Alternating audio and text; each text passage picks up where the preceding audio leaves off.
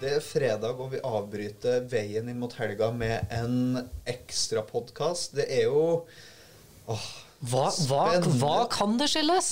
Det er spennende tider vi lever i, og Jeg sitter her som en eh, hva skal jeg si, trønder utafor Trøndelag, og er både desillusjonert og ja, ikke rent litt overvelda over hva som har skjedd de siste par dagene. Det har jo vært en berg-og-dal-bane. Mm. Nei, det har vært et um, Altså, sett utenfra så har det vært et litt fascinerende skue, eh, den prosessen som har pågått i eh, Trøndelag nå. Og ikke Nei, i hele landet. Veldig diplomatisk sagt. Ja, men i hele landet. Um, så kan vi selvfølgelig brukt mye tid på å snakke om kulturen i Sør-Trøndelag. eh, prosessen frem mot eh, den situasjonen vi står i nå, eh, hvor Giske ikke kommer til å bli valgt som leder av Sør-Trøndelag. Comebacket har blitt stoppa. Men vi er jo en podkast som er opptatt av tall. Vi tror at hvis man forstår tall på en ordentlig måte, bruker dem godt, så kan det også gi en bidra til en ok analyse av politikk. For de som følger podden vår på Instagram, så har de kanskje sett et lite sneak peek. Mm. For vi har leka oss litt med tall. Dette er jo en sånn Hva skal Det, si? det, dette skjedde jo det skal sies, det, det skjedde jo lenge før denne siste runden. Helt riktig. Fordi dette var egentlig vi har, Dette er jo en ting man snakker om i et selskap som oss. ikke sant? Hva Giske, maktkamp i Ap, og hvordan påvirker det oppslutningen til Ap. Og så er vi jo nerder. Vi er stolte av det. Vi har jo sagt det før. Det er jo ikke bare i dette studioet at vi eh, at vi viser fram våre snevre interesser for et veldig snevert publikum, men vi, eh, vi, eh, vi liker jo å, å se på ting som kanskje ikke interesserer så mange ellers, men dette burde interessere flere. Ja. For her har vi, eh, her har vi gjort um, noe som vel ikke står helt til det står ikke til A i metodefaget, eh, det vi har gjort, men vi har, eh, vi har tatt for oss eh, både liksom gjennomsnittet til eh, Arbeiderpartiet og gjennom tid, Mm. Og sett det opp imot antall presseklipp, kan vi si det sånn, Ja. eh, hvor Trond Giske figurerer. Også for, fordi det har vært et spørsmål, og det er mange som har stilt seg både her hos oss og sikkert også rundt omkring, hvilken effekt, om noen effekt, har dette bråket rundt eh, Trond Giske å si for partiets oppslutning? Er det en direkte sammenheng her? Eh, Det har blitt sagt av mange. Mm. Men kan vi si at det stemmer? Vi kan altså vi, vi kan jo ikke fastslå kausalitet. Det kan vi ikke. Men Men ser det ut som det er korrelasjon? Ja, det gjør det. ble du overraska, Odd? Nei, ikke i det hele tatt. Um, men det burde jo være et lite tankekors for alle de som er opptatt av å få Giske tilbake i det gode selskap, at hver gang de har gjort et forsøk på det, så har det destabilisert oppslutningen om eget parti tilsynelatende. Fordi hvis vi tar tallene, da. Det starter selvfølgelig i sånn type eh, desember eh, 2017. Så lå Ap på rundt 26, og så sprakk Giske-saken. Eh, og det var jo massiv, massiv medieomtale, åpenbart. Eh, helt naturlig på det tidspunktet så går Ap betydelig ned, eh, ned mot 22 på det verste. Så skal vi si det at vi, vi tar forbehold om at ikke alle saker er med her. Vi har brukt uh, vårt uh, medieanalyseverktøy Retriever til å hente ut disse mediesøktallene. Så, eh, så igjen, dette er kvasivitenskap, men likevel. Medietrykket er stort i denne perioden, og det er mange saker som omhandler Trond Giske. Jeg tror du har tallet foran deg der? ikke? Ja, på det meste så var det 3785 artikler. Ja. Og ja, kvasivitenskapelig, men Og du kan sikkert si at det var en artikkel her der som egentlig ikke handla om det, men hallo, kom igjen. Vi, vi veit hva sakene om og med Giske handla om på det tidspunktet. Men så er spørsmålet da, ok, de når bunnpunkt på 22,4 på målingen i sånn januarish 2018, etter dette trykket. Så går mediedekningen av Giske betydelig ned. Den går ned til rundt sånn stabilt uh, par hundre oppslag i snitt da, i måneden fram til ett år seinere, januar-desember 1819. Mm. På det tidspunktet så er Ap oppe igjen på sånn 28-ers. Og så kommer det en ny runde med mye mediedekning av Giske. Bare halvparten av hva det var på skal si, det verste, eh, med en sånn 1600-1400 artikler på et par måneder. Hva skjer med oppslutningen til Ap? Den synker sakte, men sikkert nedover i samme periode. Da er det sånn jevnt lite trykk med Giske-saker. Oppslutningen til Ap beveger seg igjen ned mot 23-22. Og så er det igjen eh, en liten opptur for Ap. Opp til sånn 25-ish i januar i år. Og så kommer det Og så på denne Giske-grafen så peker antallet medieoppslag opp, og oppslutningen til Ap peker ned igjen mot 24. Og da skal vi si det at eh, da har vi vært gjennom eh, 2017, som jo var metoo-kampanjen. Eller metoo-bevegelsens eh, startpunkt eh, for alvor i, Norge og norsk politikk. Hvor da de som husker Trond Giske i etterkant av dette, måtte gå av som Arbeiderpartiets nestleder etter å ha brutt partiets retningslinjer. Eh, andre tilfellet her var jo da spørsmål om sentralstyreplass eh, opp mot landsmøtet til Arbeiderpartiet i 2019. Og den tredje incidenten er jo da også knytta til det som vi nå står og snakker om. Det opprinnelige årsmøtet til Trøndelag Arbeiderparti. Dette eh, ja, relativt nysammenslåtte fylkespartiet hvor eh, ikke alt har vært fryd og gammen. eh, Og som ble flytta til, til dit vi står i dag. Ja, for det skal sies. Altså det som har skjedd akkurat de siste dagene, har det jo ikke vært mulig å måle i oppslutning. Det har kommet én måling som vel har vært tatt opp sånn delvis underveis i denne prosessen, ikke minst det har stått på eh, ordentlig mye, men den viste jo også nedgang. Så kan man diskutere liksom, ok, det er 1% nedgang. Vi har snakka mye om eh, at eh, det er feilmargin og alt mulig sånn. Fullt mulig det kan slå ut. Men det skal bli ganske spennende å se på de ferskeste målingene etter hvert som de kommer, som tar opp i seg alt dette.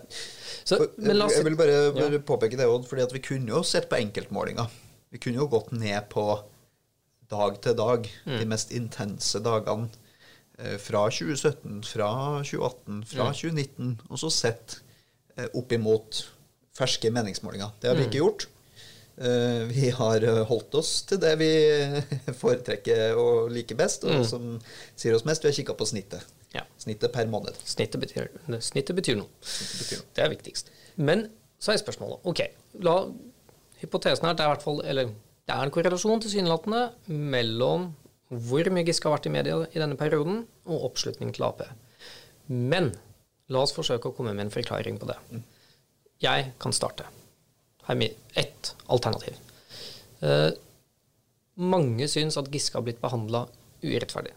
De mener han er den dyktigste politikeren partiet har. At han er den som forstår eh, si, partiets sosialdemokratiske sjel. Eh, og at derfor er det mange som blir skuffa av eget parti eh, når de ikke behandler han på en fair måte. De velgerne har forsvunnet. Det er det som er årsaken til lav oppslutning. En annen forklaring kunne vært Ja, så kan du si på den andre sida du, har, eh, du har kvinner i alle aldre. Eller hva skal jeg si eh, velgere i alle aldre. Jeg tror ikke du skal sette noe demografi på det. Men jeg tror i hvert fall spesielt kvinner og kvinnelige velgere for Arbeiderpartiet syns dette er både dårlig håndtert fra partiets side, og syns at eh, Trond Giske burde dra dit pepperen gror. Og at det er utrolig at man ikke kan få en slutt på dette her. De velgerne drar også.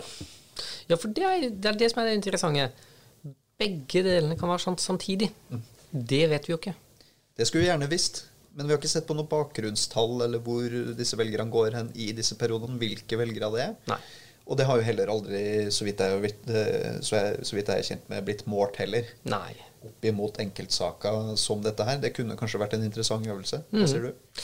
På et senere tidspunkt så hadde det definitivt vært uh, interessant å sett på en måte hvem er de velgerne som har forlatt Ap siden da særlig januar, januar, nei desember uh, 2017. Det kunne vært spennende å se på. Men, men vel så mye så Ok, i det korte bildet nå, da, så må vi regne med at nå går det sannsynligvis ganske nedover på målingene. De aller første målingene, i hvert fall. Men hva skjer nå fremover? Altså, vil Giske-saken fortsatt ligge og verke i Ap? Og hver gang han rører på seg, og det blir masse medieoppmerksomhet, så går partiet ned på målingene igjen. Eller vi fått, er vi i ferd med å få en situasjon hvor Kall det Giske-problemet til Ap blir løst? Jeg skal jo jeg skal forsøke å svare på det etter beste evne, men jeg tror jo også vi kan identifisere en tredje gruppe her. Mm. Som egentlig ikke tar stilling til saken, men som ser på styringsevne. Mm. Og som ser på det med uro rundt personalpolitikk. Mm. Uro rundt upolitiske, vil noen kalle det, uh, spørsmål. Som ikke handler om skole, som ikke handler om eldreomsorg, som ikke handler om, eh, om, eh, om helse. syns dette er støy, uavhengig av side i saken. Ja, ja. At du har nok også en porsjon velgere som mener det. Så vil nok jeg slutte meg til mange som sier at jo, men dette er politikk. Dette er i aller høyeste grad politikk. Og det er det man i hvert fall ser mye rundt om i, i Arbeiderpartiet nå. At nå har det på en måte blitt satt hardt mot hardt. Hvor skal vi ende opp eh, i historien på det politiske aspektet her? Skal vi være et likestillingsparti som tar den ene eller andre sida? Mm. Eh, det er noen som setter opp som, en, eh, som, et, som et, dilemma som, som partiet må velge. Her kan man ikke både stå på begge sider. Um, ja, men det, det, fascinerer meg litt med hvor, hvor denne situasjonen har havna nå. At uh, det er ingen i partiets ledelse som i hvert fall det har vært mulig å se at har bidratt til at vi er kommet dit vi er kommet nå. Altså Dette har vært partiet som har tatt ledelse fordi partiet har vært ledelsesløst i dette spørsmålet. Sånn fremstår det i hvert fall fra utsiden. Ja, så vil jeg jo si det, det er vanskelig om vi skulle ha rådgitt Jonas Gahr Støre til hva han burde gjort fra vår side. Burde han gått inn i dette, avslutta det, eh, kanskje? Burde det skjedd mye tidligere? Eh, ganske sikkert. Eh, hva kan han gjøre nå? Det er ikke godt å si. Eh, vi hadde jo en sak denne uka her, var det vel. En lekkasje fra et internmøte i, Nord-Norge. Hvor Støre varsla et oppgjør med interne stridigheter i eget parti. Mm. Så ble han riktignok feilsitert på enten så er dere med oss eller mot oss i hva skal jeg si, ga gjenklang til en tidligere amerikansk president uten å nevne noe, noe navn eller kontekst der. Men det er jo nettopp det ordet kontekst som er viktig. Mm. Eh, Jonas Gahr Støre oppfatta nok at han kunne sette kontekst der og da, i det rommet. Og at det var også bestemmende for hvordan dette kom ut mm. når det lekka.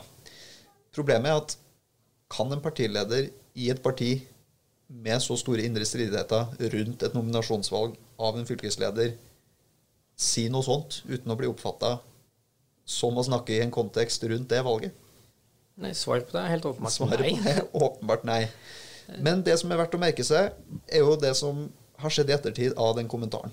For nå har det oppstått, i det jeg kan se av svogerforskning, i de fora og, og, og, det jeg ser rundt omkring i min Facebook-feed, hvis du skal mm. bruke det som, som, representativt underlag her, eh, så ser jeg at flere skriver at dette oppgjøret gleder de seg til. De mm. ser fram til dette landsstyremøtet hvor eh, partilederen skal komme med et oppgjør. Mm. Og da deler det seg i to.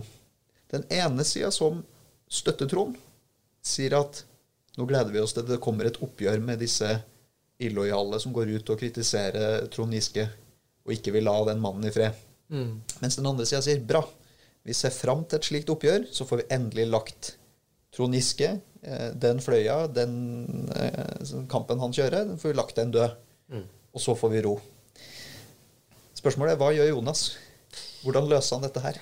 Det er en veldig veldig krevende situasjon han har havna i nå. Nå skal han ja, enten blidgjøre begge deler, det tror jeg ikke går. Jeg tror heller han får uh, misnøye i begge leirer hvis han prøver en sånn approach. Ja. Eller så må han uh, si takk og farvel til den ene uh, fløya her. Han har jo skapt en forventning han ikke kan innfri.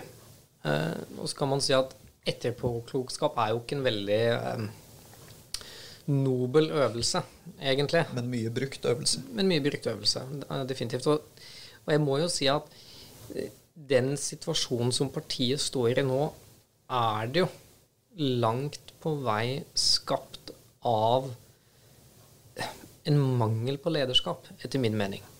Fordi det er ikke tvil om at det har vært en maktkamp hvor eh, Giske slash Trøndelag har vært en del av det. Og så har Jonas eh, og andre deler av partiet eh, også vært en mer sånn indirekte, kanskje er riktig å si del av det. Men Støre har aldri tatt noe oppgjør med Giske. Han har aldri sagt at det er ingen fremtid for Giske i mitt parti med meg som leder. Eh, og det som skjer da, er det at den delen, sånn min analyse, den delen av partiet som skulle ønske at han utviste lederskap, er skuffa. Eh, og han har ingen autoritet i Trøndelag, for de ser at han kan ikke eh, ta et sånt oppgjør med Trøndelag. Men min eh, tanke er i hvert fall at hvis han hadde gjort det, og det, det ser vi nå, for det er lettere med sånn etterpåklokskap Om Støre hadde gjort det, så kunne jo mange av disse stemmene kommet frem uansett. De hadde kanskje til og med følt det enda lettere å komme frem og fortelle om sin opplevelse med kulturen i Trøndelag. Eh, og da hadde altså, ikke, Jeg tenker altså, Nå er det ikke tvil om at hadde Støre tatt den kampen, så hadde han vunnet. Eh, men i stedet for nå så fremstår han som fullstendig lederløs. Eh, og, og, skal jo fortsatt ikke ta stilling til eh, dette. Og etter at valget er gjennomført på lørdag, så skal han komme med en eller annen type kommentar om det valget. Som, som liksom, og hvordan skal du gjøre det uten å kommentere på det som har skjedd, på en ordentlig måte? Så vil jeg jo si at det, jeg si, mye kunne vært gjort annerledes. Så jeg tror nok at, eh, at mange opplever at, eh, at, Jonas gjorde det han kunne gjøre i den situasjonen han var i, med den kunnskapen han hadde der og da. Det han åpenbart ikke burde gjort, var jo å utstede den ganske sånn tydelig skriftlige blankofullmakten til eh, Trond Giske, hvor det sto det er ingen hinder for at du kan delta med fulle rettigheter i dette partiet. Mm. Som jo har eh, tilsynelatende blitt brukt som en slags uh, out of jail uh, free card uh, i etterkant. Um, som en slags uh, renvaskelse. Og så er det jo mange som har pekt på de siste par dagene at jo, men sånn, sånn er det jo. Norske parti opererer ikke med A- og B-medlemskap. Man har et medlemskap, og er du medlem i et parti, så kan du stille til valg. Er du ikke medlem i et parti, så uh, kan du ikke delta i partiets aktiviteter. Sånn må det jo kanskje også være. Men så er jo dette saken som skiller seg fra alle andre saker. Dette er jo ikke en typisk sak. Dette er jo ikke en vanlig eh, politiker. Dette er ikke et vanlig medlem. Dette er en mann som har via ja, store delen av livet sitt til politikk, og sånn sett eh, er en helt eksepsjonell sak. Ja, altså Sannsynligheten for å danne en presedens i en så spesiell sak er veldig liten.